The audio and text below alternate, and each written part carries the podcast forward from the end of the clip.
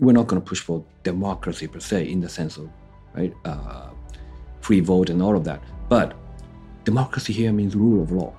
You have to have predictability if you want to thrive as an economy.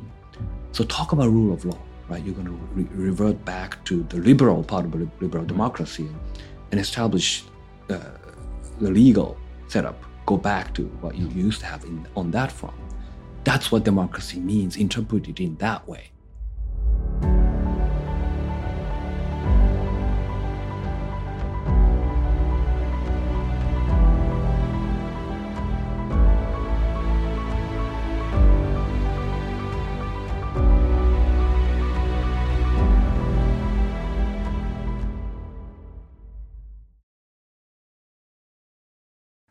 Hi, friends and fellows. Welcome to this special series of conversations involving personalities coming from a number of campuses, including Stanford University. The purpose of the series is really to unleash thought provoking ideas that I think would be of tremendous value to you. I want to thank you for your support so far and welcome to this special series. Hi, everyone. Uh, today we're visited by Professor Kiyoteru Tsutsui. He is a professor of sociology at Stanford University, but he's also a senior fellow at APARC, and he's also uh, the co director for the Center of Human Rights and International Justice. Kiyo, thank you so much for making it. Thank you for having me. You've, you've written so many publications and books. Uh, one of the most uh, outstanding ones uh, is uh, your book, Rights Make Might uh, I want to basically ask you uh, about some of the stuff you talked about in that book. Uh, talk talk about how the issue of human rights in the context of some of the minorities in Japan, the, the Ainus, the Burakumis, and the Koreans, have evolved uh, in the last few years. Mm-hmm. Great, thank you. Um, so the book, the context for that book is. Um, this is a topic that I have been studying since my you know, dissertation, PhD dissertation. Um, and it, it kind of follows up on the debate about the efficacy of international human rights institutions, like international human rights treaties, whether they serve any purposes, whether they actually do have um, some impact on the ground. And I've done a lot of, um, uh, before the book, I had done some quantitative cross-national analysis looking at the impact of um, looking at whether uh, states governments that have ratified international human rights treaties have um, improved their actual practices. And there's still ongoing debates about whether the impact is positive positive or neutral or even negative.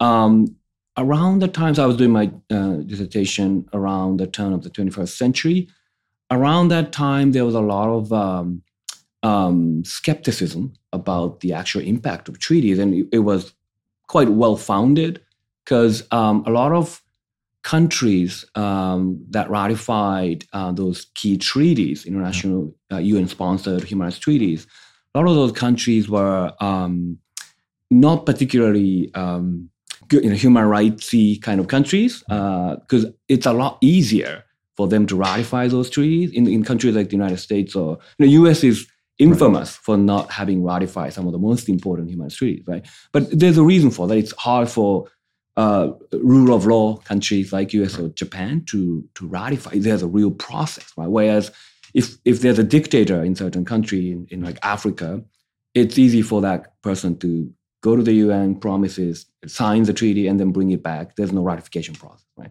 Then um, so there were a lot of countries that actually did not um, um, deliver on the promise that they made when they ratified those treaties. So, at that point, um, the the relationship was not particularly good. But the impact of human rights treaties was mediated by civil society linkage. So the key findings in this, that series of analysis that I did early on in my career is that if there's a vibrant civil society in that country uh, whose government has ratified those treaties, or if the uh, country is open and there's international NGOs that can go in right. and push the government to deliver on the promise that they made when they ratified those treaties, then actually indirectly, right, not directly by just ratifying the treaties, but indirectly treaties could have some positive impact in improving the actual practice, right? Um, so then I so I did these quantitative analysis, and then I wanted to get to the bottom of the actual mechanisms and processes in which these impacts kind of uh, unfold. And I'm from Japan. I knew right. a little bit about Japan, and, uh, really originally I got interested in those issues because I observed around me this kind of a hidden uh, minority groups, often called hidden minorities in Japan, um, that are um, not not often very open in the public, but it's still ethnic minority. Not I wouldn't call it ethnic, but minority politics in Japan. And then I started looking into those cases, and then I looked at uh, three. These are the most uh, salient minority groups in Japan: Ainu, indigenous, indigenous people, uh, Korean, Zainichi Koreans, right. um, uh, colonial legacy kind of group, and the Burakumin, former outcast group. And then I looked at the trajectory of these three groups and how Japan's uh, participation mm. in the international human rights regime uh, in the form of ratification of key treaties and participation in the Commission on Human Rights, today Human Rights Council, how those things actually shaped minority politics in Japan and really changed the course of uh, groups like Ainu, which yeah. you know Ainu was very very dormant hmm. politically. Mm. They didn't want to engage in a lot of politics. Uh, but since the 70s, they got exposed to international human rights norms, especially international indigenous rights movement, and then they became more active, and then they became quite successful. I'm not suggesting everything's perfect for Ainu today, but they have achieved quite a bit considering where they were in the 1970s before Japan got exposed to international human rights treaties. So I can say more about these groups, but yeah. that's kind of like a real, the big picture story of that book. Do, do you see the role of civil society and non state actors as things that are sustainable in the long run mm-hmm. in, in making sure that there's this empowerment yeah. of the actors as to help improve human rights, mm-hmm. not just in Japan, but hopefully globally. Mm-hmm. That is a critical question today, yeah. especially. Yeah. Because um, so the international human rights regime um, grew well, since 19, 1948 to 1945, UN, UN Charter, 1948, Universal Declaration of Human Rights, mm-hmm. and then 1966 to um, key in, international covenants uh, on civil and political rights and also economic, social, and cultural rights. Right. Those got adopted. Um, but really, people like point to the 1970s as kind of a takeoff point. Um, and if you look at statistics on how many uh, human rights treaties exist, how many countries have become party states to those treaties, right. and also how many uh, international human rights NGOs existed. Since the 70s, 80s, the number has exploded on all counts.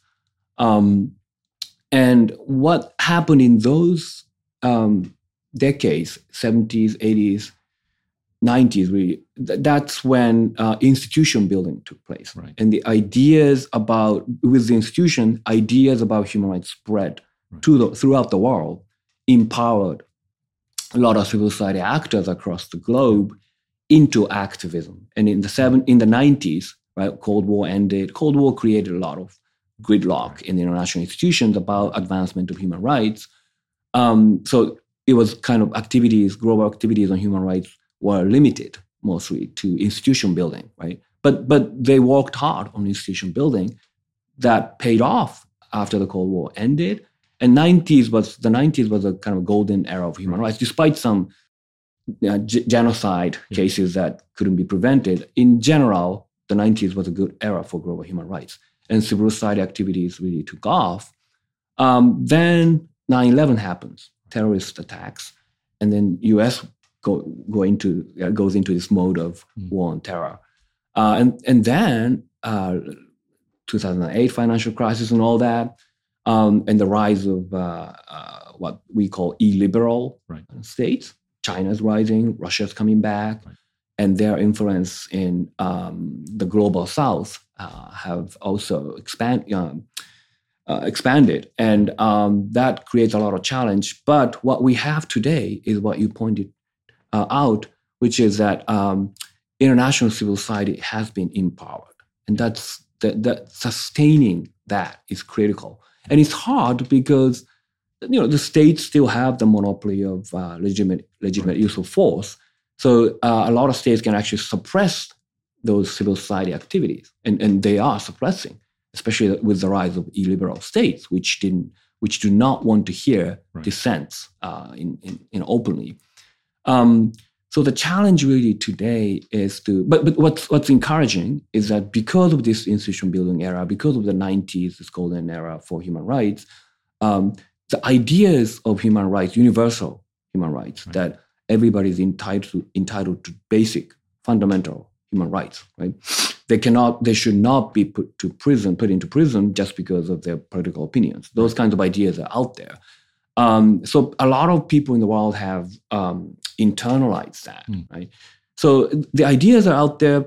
Many more people have uh, that understanding, but um, so that I think the next decade is critical. But there's this rise of illiberal powers, and they begin to, in a sinister way, suppress those ideas or spread. Uh, they engage in disinformation work right. to shift their understandings. Um, so in the next decade, we really need to ensure the um, vibrancy of this civil society space domestically in those countries, but also internationally, um, will continue because otherwise, right, these ideas might actually wilt mm. in the face of this strong uh, counterattack, counteroffensive by illiberal states. There just seems to be a structural challenge mm-hmm. because you you've alluded to the need for this sort of initiative being multilateralized, mm-hmm. right? And and you you aptly pointed out that the 90s would have been the golden era mm-hmm. when human rights was being propagated in a good way. Fortunately or unfortunately, that was the era when the global order would have been unipolar. Right. And I, have always talked about how unipolarity made multilateralization mm-hmm a lot easier. Mm-hmm. However, ever since we started multilateralizing, a multipolarizing, multilateralization has become somewhat more difficult. Mm-hmm. Do you see that as, as a challenge then for not just the non-state, but also the states, the state actors to basically play, play a part in promoting human rights regionally, locally, or even globally? Mm-hmm. Yeah, um, so the, um, much has been said about the state of the, the international liberal right order, um, and human rights was developed squarely in that tradition, right? The United, United States, UK, those countries um, pushed for human rights, inclusion of human rights in the post World War II international order. Um, and they constituted the backbones of, um, um, of the international liberal order. And what's been happening in the last know, six, seven, eight years is um, the UK pulled out of EU. Uh, United States had Trump era, uh, America first. Right. Even though President Trump is no longer in power, you know, there's some continuation of um, President Biden wouldn't say America first. He says America's back and going back to multilateral forums. So it's an improvement. Yeah. But still, there's this remnant of Trump era America right. first mindset uh, in some people. And you know, nobody expects the United States to go back to something like CPTPP, for instance, right? Um, so the international liberal order needs other parties to really um, uphold uh, its, its ideal. And uh, countries like Japan, uh, uh, uh, Germany, they're, they're doing their share. But to your point, um, it, it really needs multilateral right. institutions to sustain that. And, and thankfully, especially for human rights, mm. the efforts to um, multilateralize uh, uh, these, eff- uh, uh, these institutions have been in existence really since the early period. Because when the Universal Declaration was adopted, there were efforts to include, I mean, even in those days when uh, Western powers were quite dominant, there were efforts to include non-Western voices in drafting of that document, for instance. Um, and you know, from early on, um, so once the uh, UDH Universal Declaration of Human Rights got adopted, then it was supposed to be turned into treaties. Um, and then it took a long time because mm. there was the Cold War and the Soviet the Soviet bloc and the U.S. bloc right. couldn't agree on what rights are human rights. And then in, in this era, it was actually what we call the global south countries today that, that were really pushing for yeah. human rights Uh, they they what they meant was more self determination, right? Uh, decolonization, but really they also use the language of human rights, right? So their voices were heard from early on, and then the anti-apartheid movement was central in that era, right? Um, and and you know it was housed in all these efforts were housed in the United Nations, mm. multilateral institutions, right, global institutions, and there were some regional efforts like in Europe and in the Americas, in Africa, but a lot of these efforts to establish human rights, because human rights was seen as universal, it's a universal principle. Democracy may be a little bit different, but human rights is universal, right. and every it applies to every single human being in the world. So it, it, I think it's from in its DNA there's this multilateral component. So that's an advantage. So even today, a lot of the activities, and even in the 90s, with the unipolar power era, yeah. it was helpful that the US was supportive of human rights and US saw that human rights as an important component of the world order at the time. Um, but it wasn't just the United States. The US was criticized. And when 9-11 happened and the US engaged in war on terror, condoning to- torture, basically, right. right. Then US got harshly criticized, mm. right? So it, it's always multilateral. Um, and even today, too, it, it's multilateral. So that is there. And I think that might be uh, one strength that uh, human rights, global human rights institutions have that um, can, you know, sustain these global efforts to, to move forward. And I couldn't say the same about something like democracy, because democracy is seen more as American or Western yeah. conceptualization of governance. I, I, want to talk about democracy, but mm-hmm. uh, I want to revert back to Japan. Mm-hmm.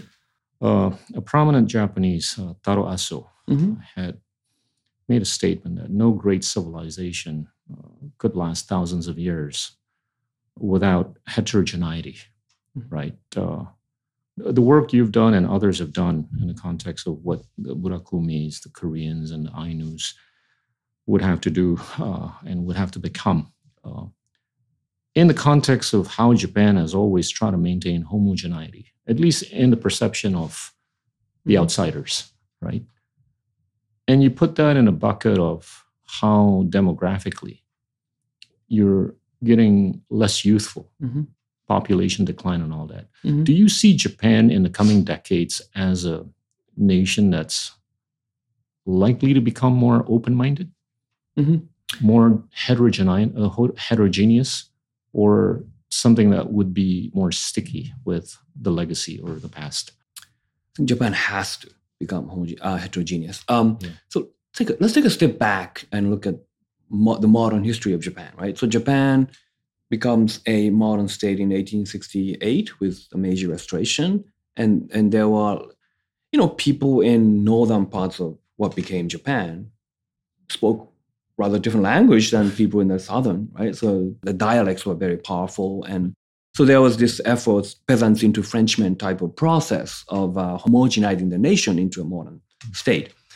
Once that's going, um, then um, this colonization right, by Japan um, to keep up with the West is, was the argument uh, started. And then Japan became a multi-ethnic, multicultural empire, right? That was Japan before 1945. So there was, um, so initially there was this, in Meiji Japan, there was some arguments about Japan's homogeneity or cultural unity. But once it became necessary to frame Japan as multi-ethnic empire, then that discourse took hold.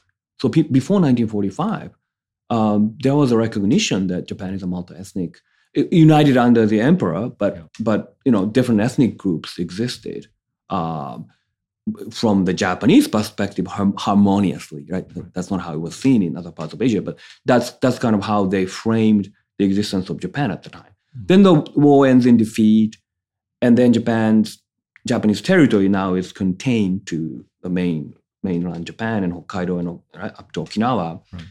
Then Japan had to come come to this different ideology about the nation, and then homogeneous Japan became that idea, ideology. And that was reinforced by um, Japan's success, right? And this 1986 famous statement statement by then Prime Minister Nakasone right. about how you know that, that's a heyday of mm. the height of Japanese economic might, right? Japan was gobbling up properties in the US, Rockefeller Center, Hollywood Studios, Pebble Beach Golf Course. Um, and at the height of that hubris, Prime Minister talked about how um, Japan is so successful because it's a homogeneous nation. The United States, multi-ethnic countries like the United States uh, are pulled down by the exist- existence of minority groups, right? Uh, that faced a lot of backlash, obviously, mm. but that was kind of the mindset in Japan when at that time, and that didn't change very quickly, right? Um, but by now, somebody like uh, Taro Aso, yeah. um, um, um, he's not the. Um, a lot of people see him as a more conservative person, right? But even somebody like him recognizes because of the economic needs, um, Japan has to take on two things. One is to include more women in the labor force and in the prominent positions, right? There are a lot of talented women in Japan who cannot really utilize, uh, show, show their talents mm. domestically. A lot of people actually go abroad, come to the United States to become successful, right? Uh, so, but but Japan should be able to um, tap into that, that female resources. Mm. Um, and then the second is uh, immigration, right? And and Japan there's this reality of dwindling population. Right. Uh, the, you know, the Japanese government has been trying to increase the fertility rate and all that, but um, there's limits to what the government can do on that front. So uh, taking on more migrant labor um, is critical, but it's challenging because Japan's post-war institutions are built based on largely homogeneity right. of the nation. So Japan was not quite set up to, to invite people from abroad, especially talented people from abroad. Skilled labor is what the, the government wants. But skilled labor from whatever Asia, Southeast Asian countries, have other more attractive places to go, like the United States or, or South Korea or Europe. So uh, Singapore, right, Hong Kong. So um, Japan has to do a lot of work to make it uh, attractive for skilled labor from other parts of the world, especially Asia, um, and to attract them. And I think Tokyo has changed quite a bit. If you go to Tokyo today, it's it's oh, quite yeah. quite diverse. You just see it on the streets. It's, it's yeah more cosmopolitan, right, yeah. than it used to be. Yeah. Um, so so it, it, it's happening, but it has to happen more quickly. Is is my view to, for Japan to keep up.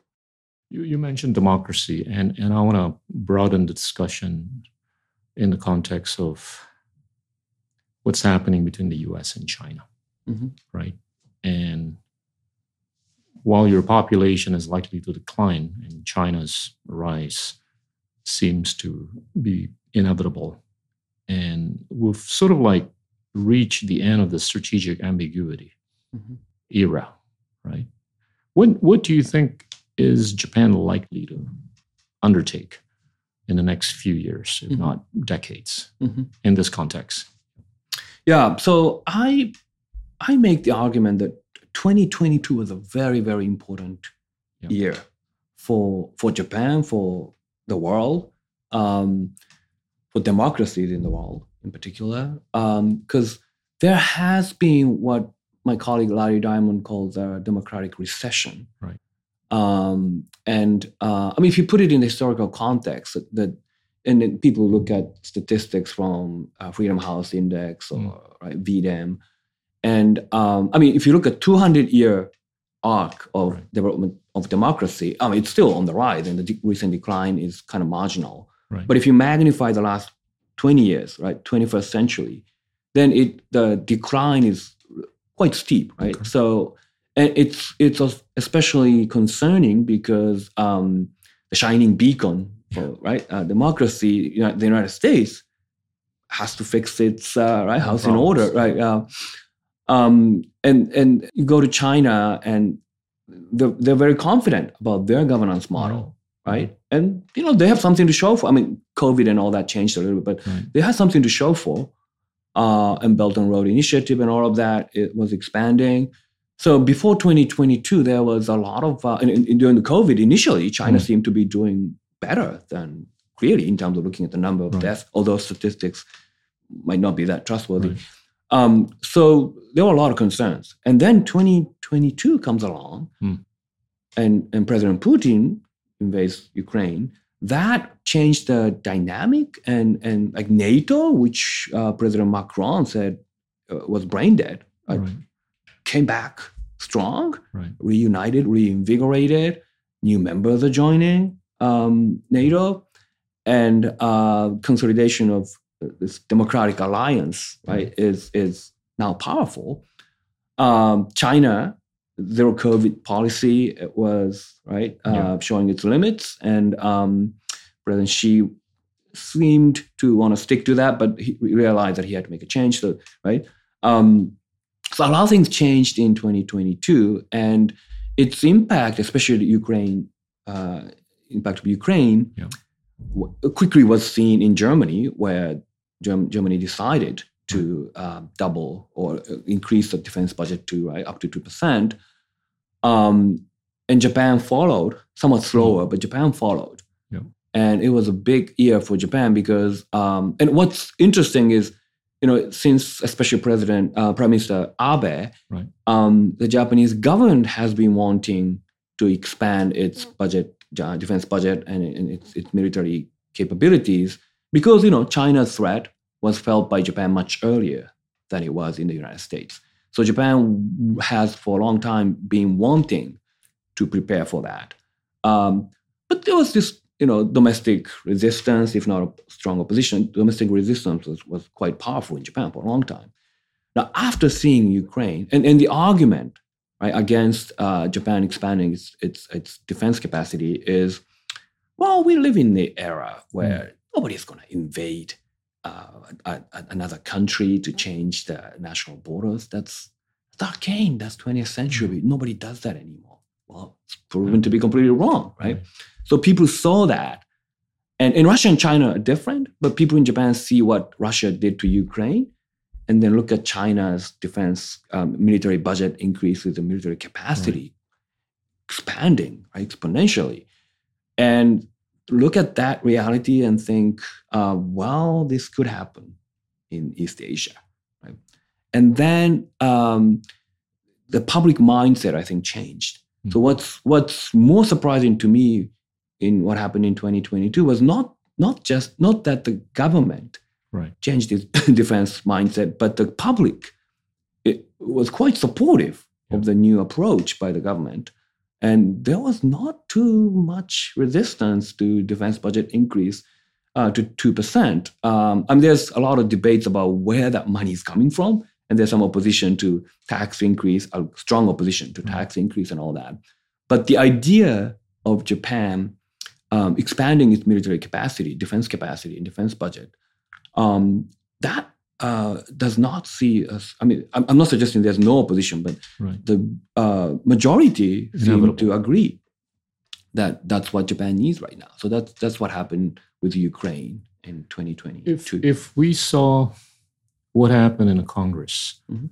uh, meeting a few months ago in China, there seemed to be a lot less collective leadership in China, Mhm. right? Which kind of like would entail inevitably a greater degree of risk for not just Northeast Asia, but all of Asia, right? Mhm. But you juxtapose that with some of the earlier or recent observations where Xi Jinping has shown a capacity and ability to make a U turn, Mhm. right? Including on a zero COVID Yeah. policy, right? Yeah. So I don't know which camp I want to be in, Mhm. right? Mhm. But what's what's the risk of a Taiwan invasion Mhm. occurring? Mhm. and and how that would bode for you know Japan's militarization Yeah. going forward. Yeah, so that's something that I um, I've been thinking a lot of, um, and I think you have Oriana Mastro Right. your podcast at some point soon, and Yeah. she so Larry Diamond, Frank, you have Frank Fukuyama. Right. Uh, we were just in Japan to talk to key policymakers um, um, about the particular topic because that's on on their mind as well, right? Um, and Americans also want to understand where Japan is on that. So uh, somebody like Oriana is her observation is um, assessment is that um, it's likely to happen before 2027, right? China's oh. attack on Taiwan. Um, people in Japan have, China experts in Japan have somewhat different views about it. And mm. I don't, I'm not an expert. I, am not a military expert. I'm not a China expert. So I don't really know who's who's right or who's wrong. Um, but these, these are estimates, assessments, right? So um, I, I think I generally agree with Oriana that we have to be prepared for the worst and we have mm. to try to deter China mm. from doing things. Um, I, I, think most people in Japan, despite what Putin did to Ukraine, still think that uh, China is a uh, China doesn't like to take great risk, right? And it's probably true that China is a careful country, very yeah. cautious and rational, generally rational country. Um, but as you alluded to, the recent party congress um, got even some China experts in Japan nervous because of consolidation of power, and also because um, um, President Xi dropped a lot of key economic advisors. It seemed as if he doesn't, he doesn't care about. He doesn't care. He doesn't worry about it. If, he cares more about the legacy. And if if the Chinese economy start, starts to tank and um, people are unhappy, right? This diversion of attention to Taiwan might be a become an attractive option for President Xi. Um, so there are all kinds of different scenarios that could um, unfold, but um, the direction that the that he took in Party Congress was not particularly reassuring. So uh, I think there are more people in more people in Japan are concerned about this. But in general, I think the the uh, assessment is a little bit different. The U.S. side sees it more likely. I mean, not everybody in the U.S. is thinks the same as Oriana, but but you know, in general, I think U.S. side um, thinks it's more likely that Xi Jinping would do something on Taiwan, mm-hmm. whereas people in Japan are more um, uh, less worried about this, this as a real um, possibility. Um, but having said that, I think uh, policymakers in Japan are obviously thinking about it, and that's their job, right? And they're doing a good job of uh, evaluating the situation and preparing for the worst. So the sense I get um, talking to really highest level officials in Japan is that um, they are careful what they say. I mean, the reality is Japan's right next to China, right? U.S. is the Pacific Ocean away, right? So it's understandable Japan has to be a little bit more careful, right, right. In, in, in not to provoke China un- unnecessarily. Um, economic relations also, right, are important. Oh, right. I mean, it's important to everybody in the world, including the United States, but Japan is right next to it, and and it's the biggest. China is the biggest trade partner. Um, so um, there's there's reason to be cautious, but I but I got the sense that behind the scenes they mm. are really worried and they are uh, trying to make some um, do some prep work for that. Uh, but whether that's enough or not, people. I mean, I don't think Oriana would think that it's enough. What Japan is, it's, Oriana doesn't think what US is doing is not enough. So there's more to be done, certainly. But um, the the Japanese leaders cannot come out and say, "Oh, well, China, if you go down China, we're going to shoot down your vessels in the Taiwan Strait." The United Japanese government cannot say that, right? So yeah. they're not going to come out and say that. But but they are looking at different scenarios. They're doing a lot of war games um, and doing the work of, um, especially uh, legislative kind of work, right? They, they have to do. Japan has this constitution, Article Nine, and there's a lot of reinterpretation of that. And Prime Minister Abe um, prepared for a lot of that in 2015 when he changed, uh, passed a new law. Um, but to prepare for, and what's important is that Japan has to make a move very quickly if it happens in Taiwan, because U.S. is not as as close, right? right? And U.S. base is right. in Okinawa, but Japan is closer. So um, so that that's an important component to prepare for very quick move if it happens within 24, 48 hours kind of move that Japan um, needs to prepare to do. So, so that's the that's the sense I got in Japan is people are thinking about it, but not quite making the making the move. I mean, God forbid. I mean, if if you think Japan is not adequately prepared, you would also agree with the fact that the United States is also not mm-hmm. adequately prepared for this catastrophic scenario. Mm-hmm. God forbid. But I'm I'm still sort of in the camp that still sticks to the idea that this, from an economic standpoint at least, the interconnected nature between China and the mm-hmm. US is so massive. We're talking about what seven to eight hundred billion dollars worth mm-hmm. of collective trade, right? Not to mention China's interconnectedness with the other guys that are vested in this being of peace and stability. It just seems not likely that they would do something this crazy, right? But who's to say, right? Oh. And and some would also argue that you know he is sort of like persistent on making this a legacy of his mm-hmm. you know administration. Mm-hmm. I I want to jump to Southeast Asia, mm-hmm. which I know you've been working a lot on also. Uh, Japan has been known as a projector of soft power through courtesy, mm-hmm. which which is really good, I think, for Southeast Asia. I mean, you've been a, a major mobilizer of monetary capital, economic capital, and also technological capital. Mm-hmm. Talk about this. Mm-hmm. You know, vis-a-vis what other countries are trying to do with Southeast Asia, particularly mm-hmm. China. Mm-hmm. Yeah. So Japan, it's, it's not as if Japan, Japanese people are so nice that they, they, they just organically became nice to Southeast Asians and took different approach than the US or China. It, I mean, maybe some of that I can believe, but uh, I, I wouldn't put that out there. Um, so it was by necessity Japan became uh, what I call the courteous power in Southeast Asia um, because of the history before 1945, right? Um, and there was this uh, Tanaka riot right. Right, and all in that. 70s. And, yeah. yeah.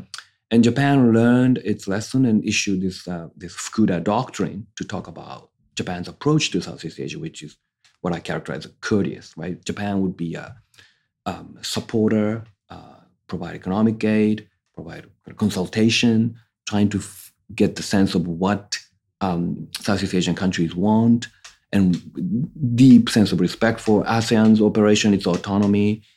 Um, so that's really um, like a, there was a learning curve, right? Learning process. And by the time of the Fukuda Doctrine, Japan took that approach and stuck with it. And it, it's continuing on today. And I think it's a really good approach. And, and it got um, um, a lot of um, support of Southeast Asians. If you look at a lot of opinion poll, public opinion polls today, uh, Japan has a lot of um, people's trust in, right. in the region. Um, I mean, when I published uh, my with my colleague John Ciorciari, this co-edited volume, The Courteous Power, people were asking me like, okay, so it's nice that Japan's respected, but how how do you how, how is Japan going to cash in on that? That's that's a tough question because uh, right. you know trust is not something that you try to earn and thinking that you cash it in at some point, right? If you if it's obvious, you don't gain trust, right? Uh, so I think Japan really genuinely, since the Fukuda Doctrine, tried to assist Southeast Asian countries. Also, Japan in the 70s and 80s was um, economic superpower. In right, 75% of the economy in Asia uh, was Japan at the time. So, um, so Japan could afford to take that position in the flying geese model, and all of that was there, right? I mean, so things changed with the China's rise. Now China is a bigger, bigger economy, arguably more influential. Although, as you point out, in terms of stock of investment, Japan still is the biggest, right? Uh, more than China. Um, so um, this this courteous approach um, was very effective. Started by necessity, but has been very effective, and um, it, it is also effective because Japan did not interfere in domestic politics, ASEAN affairs, but also each country's domestic affairs there was very little of uh, in the way of conditionality that other Western nations um, attached to any kind of economic agreements. Um, and Japan had been has been criticized for that, right? You just give money without trying to expand democracy or human rights right. in those countries. Um, in hindsight, uh, right today, people actually think that maybe maybe that was not so bad um, because the way countries like like the United States push for democracy in the region um, backfired, right? So um, um, even today, Japan is hesitant to criticize countries like like Myanmar, right? right. Well, from my point of view, if, if it gets to Myanmar, yeah. ooh, you kind of have to be a little bit more assertive. Sensitive. Yeah. But uh, like, like Thailand, right? Coup d'etat happened and the US was very critical. Japan kind of intervened and tried to smooth things out. Yeah. Uh, I mean, Thailand is not exactly back to being a vibrant democracy, perhaps, but um, it takes time. Takes time. Takes time. So Japan understands that uh, because Japan what um, was a receive, recipient of that kind of criticism. Yeah. Your, dem- your democracy is not real democracy because right. it's just one party dominance, right? So Japan understands that democracies operate differently right. in different historical contexts. Right. Um, so that's that was Japan has been Japan's approach, and I've been doing this trip to Japan uh, a couple of weeks ago. I we met with uh, JICA officials, and I, have been very impressed with JICA's yeah. approach of listening to local constituents' needs and cater to their needs rather than to dictate right the course of uh, economic aid saying this is what japan wants to see so you got to do this. They, they don't say that. They go and listen. And also they complement what other countries do. China us have their own approach to investment and aid. And japan's approach is to see what they're doing and say okay this is an area that US and China are not quite helping. So we will go in and help in that area. Mm. So, so I, I think, um, and in terms of resources, Japan doesn't have the kind of resource that it did in the 80s. So the um, you know the amount of aid and investment today mm. might be less than China or the US, but um, it, it's done, I think, in a very smart way yeah. of targeting different. I, I want to put this in the context of the degree to which monetary capital has been mm-hmm. mobilized from liberal democracy countries to countries in Southeast Asia that want to be better liberal democracies. Mm-hmm. We've, we've kind of like talked about this separately before, but if you take a look at countries like Thailand, Vietnam, Malaysia, Indonesia, and the Philippines, their FDI on a per capita per year basis would be within the range of 100 to 400 dollars on a mm-hmm. per capita per year mm-hmm. basis for each, respectively. Mm-hmm. Compare that with Singapore. Been able to get $19,000 worth of FDI mm. on a per capita per year basis. Mm. Th- there is this argument that Singapore is a tiny country, mm-hmm. but even with 5.5 million people, they were able to get $105 billion worth of FDI compared to the next largest recipient, which is Indonesia, mm-hmm. at about 31 billion. Mm. So the, the argument of Singapore being smaller is not sufficient. Mm. It sort of collapses. And it, it really boils down to how Singapore has been able to promote and enforce rule of law, mm-hmm. really. That's that's what it boils down to. Yeah. So if if you're a big liberal democracy country like the United States or Japan, you want to see some or many or all mm-hmm. of Southeast Asia becoming better, if not more robust liberal democracies. Mm-hmm. You need to put food on the table, right? Mm-hmm. Money needs to be deployed a little mm-hmm. bit more, better and faster, particularly for institutional building purposes, so that there's better rule of law and all that. Yeah. What What is your view about this? In, in, in the context of how you want to help promote liberal democracy mm-hmm. in countries like whatever in Southeast Asia that mm-hmm. want to be better liberal democracies. Mm-hmm. Yeah. So, uh, in the context of this bigger debate about democracies versus authoritarianism in, right. in the world and in in Asia, yeah. in Southeast Asia, um, well, really in the world, Southeast Asia is critical, right? Those countries are what I would call swing states. These right. are the ones that decide the outcome of this yeah. Um, I mean, there's debate about whether to frame this in terms of this battle between those two sides, two sides, because there are a lot of hybrid models. But let's let's buy into this this confrontation. Right. Then Southeast Asian countries are critical for the United States, Japan, um, the liberal side, and um, in trying to win hearts and minds of Southeast Asian public, um, it's very important to show that it's beneficial sure. economically. It helps to put food on the table. Yeah. To take the liberal side, right? And in doing so, um, as you astutely point out, Singapore is a great example, yeah. right? And people still, if you look at democracy statistics, people don't see Singapore as a as a democracy in the yeah. sense of right full um, multi-party competition and, and, all of that. But Singapore is a vibrant, um, reasonably liberal, liberal in the sense of rule of law, Correct. strength state. And um, Japanese, like JICA and Japanese authorities also kind of um, learned that. And some of what they're doing, a lot of what they're doing today is to not talk about democracy per se, but talk about rule of law. Yeah. So they spend a lot of resources on legal infrastructure building in, in Southeast Asian countries. And I think it's very wise. I think that's the right, right? approach. Because if you have the rule of law, you have predictability that brings investment, mm. as you said. And, and that's an important process. And, and um, the, the, the book Courteous Power has a chapter on coup d'etat in, Thai, in Thailand. And um, the Japanese government, US government was criticizing the coup d'etat as completely undemocratic. You have to we have to sever ties with this regime. Mm. The Japanese government goes in there and, and, and talk to the, the military regime about how, you know, this is, we're not going to push for democracy per se in the sense of, right, uh, free vote and all of that. But democracy here means rule of law. You have to have predictability if you want to thrive as an economy. Mm. So talk about rule of law, right? You're going to re- revert back to the liberal part of liberal democracy and, and establish uh, the legal setup go back to what you used to have in, on that front. That's what democracy means, interpreted in that way, right? And then um, the military regime talks about democracy in that sense.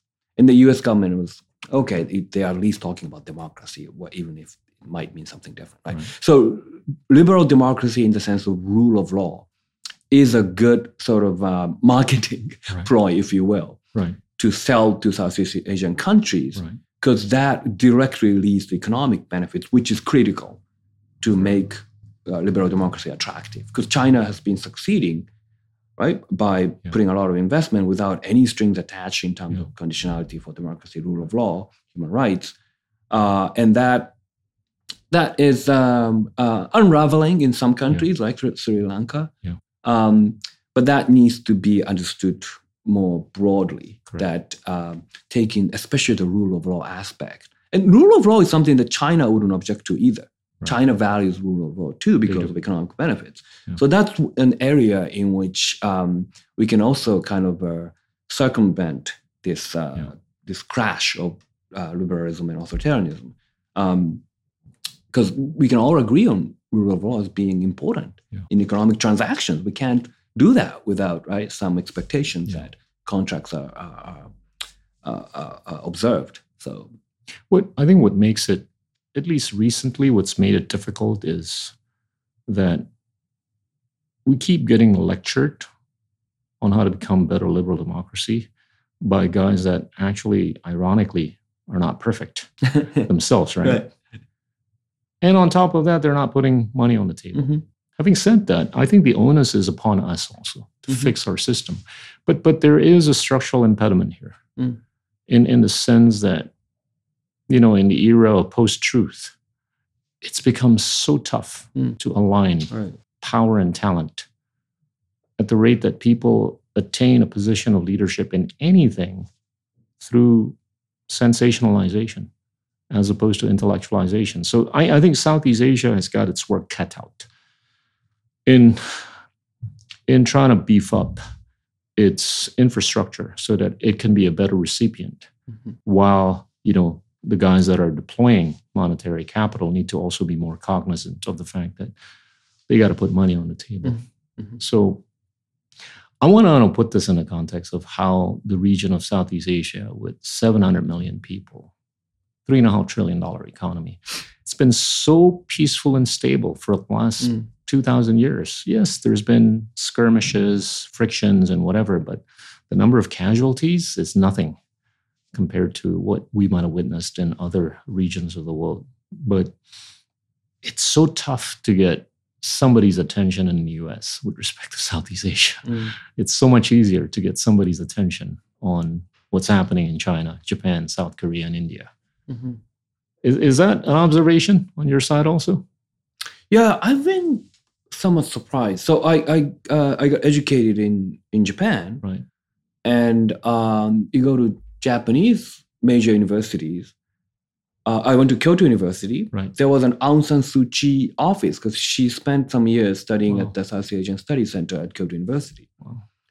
Um, I mean that that was uh, 90s, so Aung San Suu Kyi was still held up as a now now with uh, Rohingya and all that. Maybe there's some different perception, but still, she was a hero of heroine of democracy, right? Advancement, and there was a lot of respect for for her and for Southeast Asia more broadly, because um, a lot of universities had. I mean, it has to do with the proximity, right? right. So geographically, Southeast Asia is right there, and and Japan from very early on recognized Southeast Asia as an important right. region. Um, somewhat, I think, akin to Latin America is to the United States because it's right. It's just in the sort of sphere of influence. Um, so in Japan, it's not hard to find a prominent political scientists or sociologists who focus on, on Southeast Asia. Um, um, here too, right? We had this uh, James Scott, and he, we had this tradition. Benedict Anderson, right. a prominent uh, social scientist who were focused on Southeast Asia. So, um, coming to places like Asia Pacific Research Center here, I'm a little surprised that um, there are more people studying Southeast Asia. Um, and also, it's, it's, there's a decoupling because there are a lot of students, right. right, undergraduate and graduate students who are from Southeast Asia, who are studying or interested in Southeast Asia, and that's not matched quite by uh, the faculty number of faculty members. Um, so something needs to be done, and it might be different in different universities. Um, so I, I, haven't surveyed all the universities in the U.S., but I think in general, your observation, I agree with your observation that um, um, Americans uh, in academia or, or, otherwise have not quite recognized how important Southeast Asia is, especially in thinking about um, this competition with China. I think a lot of Americans are beginning to realize Japan is critical, yeah. especially in think, as they think about um, Taiwan contingencies. Now Japan is emerging as the most important ally. Um, so I think at some point there, there should come this um, understanding that um, Southeast Asia is very, very important in the broader competition with, with China, which will be ongoing for some years, decades. Um, so I, I, think it'll come. I think it's coming, and we're both trying to yeah. make, make, it happen quicker. Um, but uh, it, it, has to happen quickly, I think. Throughout this conversation, I feel more optimistic about human rights mm-hmm. than I do about what could happen in Taiwan. Mm. I'm more optimistic about what could happen in Southeast Asia mm-hmm. in, in the context of what Japan could do. Mm-hmm. Give us something that makes us feel optimistic about the region of Southeast Asia going forward. Uh-huh. Yeah. Um, well, it's it's still a lot of those countries are growing economies yeah. when uh, a lot of other countries, Japan, South Korea, and China too, right, are aging, um, potentially declining. China will peak at some point economically, yeah. at some point soon. It's not yeah. going to be like 2050. It's probably peak, going to peak sooner. Um, so that's when Southeast Asian countries emerge as um, kind of a superpower bloc in in in Asian in the Asian region, and Southeast Asian, Asian countries have ASEAN, right? That served that has served them quite well, I think, because um, now it's established that it is autonomous. We have to respect ASEAN autonomy. Um, I mean, I think ASEAN has to work on internally, yeah. work on uh, making sure that everybody. Because Myanmar is a challenging case, right, right for other countries in ASEAN. Um, but ASEAN's there to wield its influence once uh, the region becomes more powerful economically. So uh, I think there's a lot of uh, potential. People are already like looking at Vietnam, for instance, Oh yeah. as a as a really quickly Vibrant, growing yeah. right, economic power. Vietnam has now its EV that's um, VinFast. right. It's right across.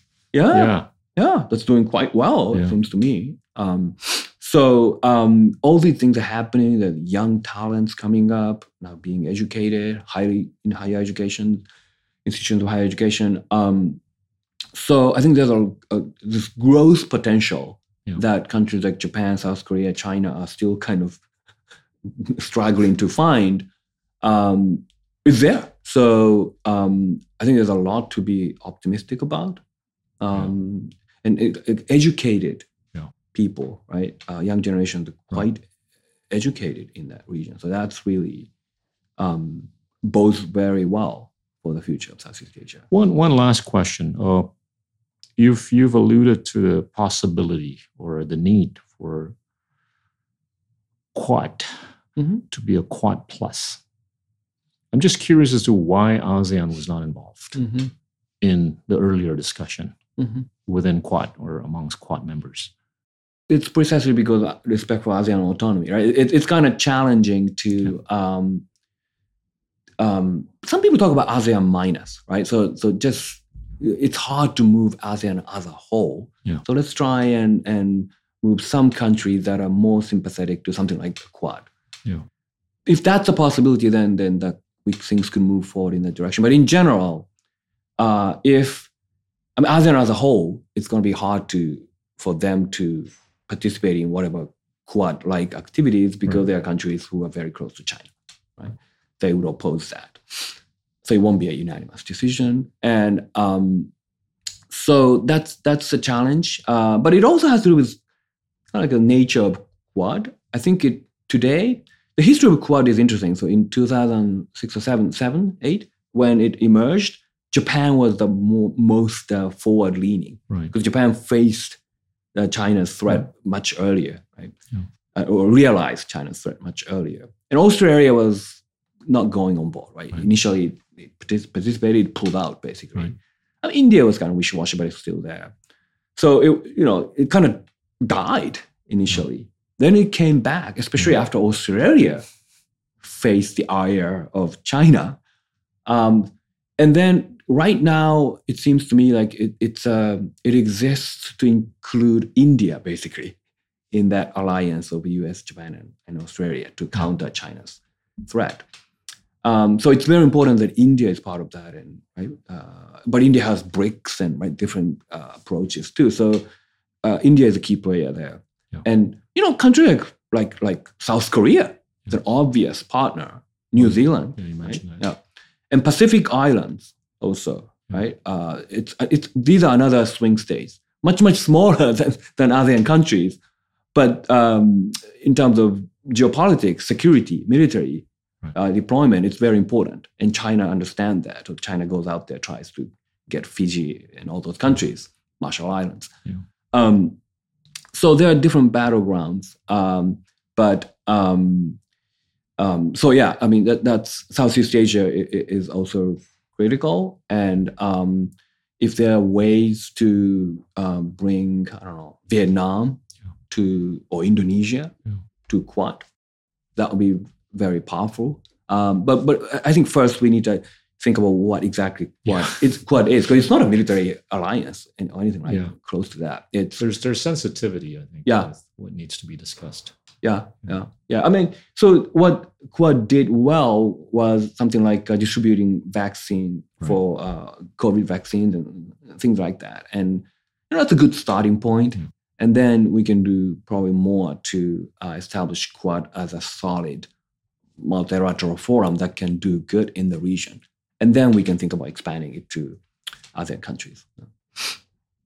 Thank you so much, Keith. Uh, thank you for having me. It was fun. That was Professor Kiyoteru Tsutsui from Stanford University. Thank you. Inilah Endgame. Great. Thank you so much. Keith. Thank you. Thank Yeah. you. It was fun. Oh, that was great. That was great. good, good. We didn't miss anything, right? No, no, not that I can think of. Yeah. Uh, uh, okay. Uh, all right. Um, I'm, and I'm gonna have dinner with you, Colin. Good. Good.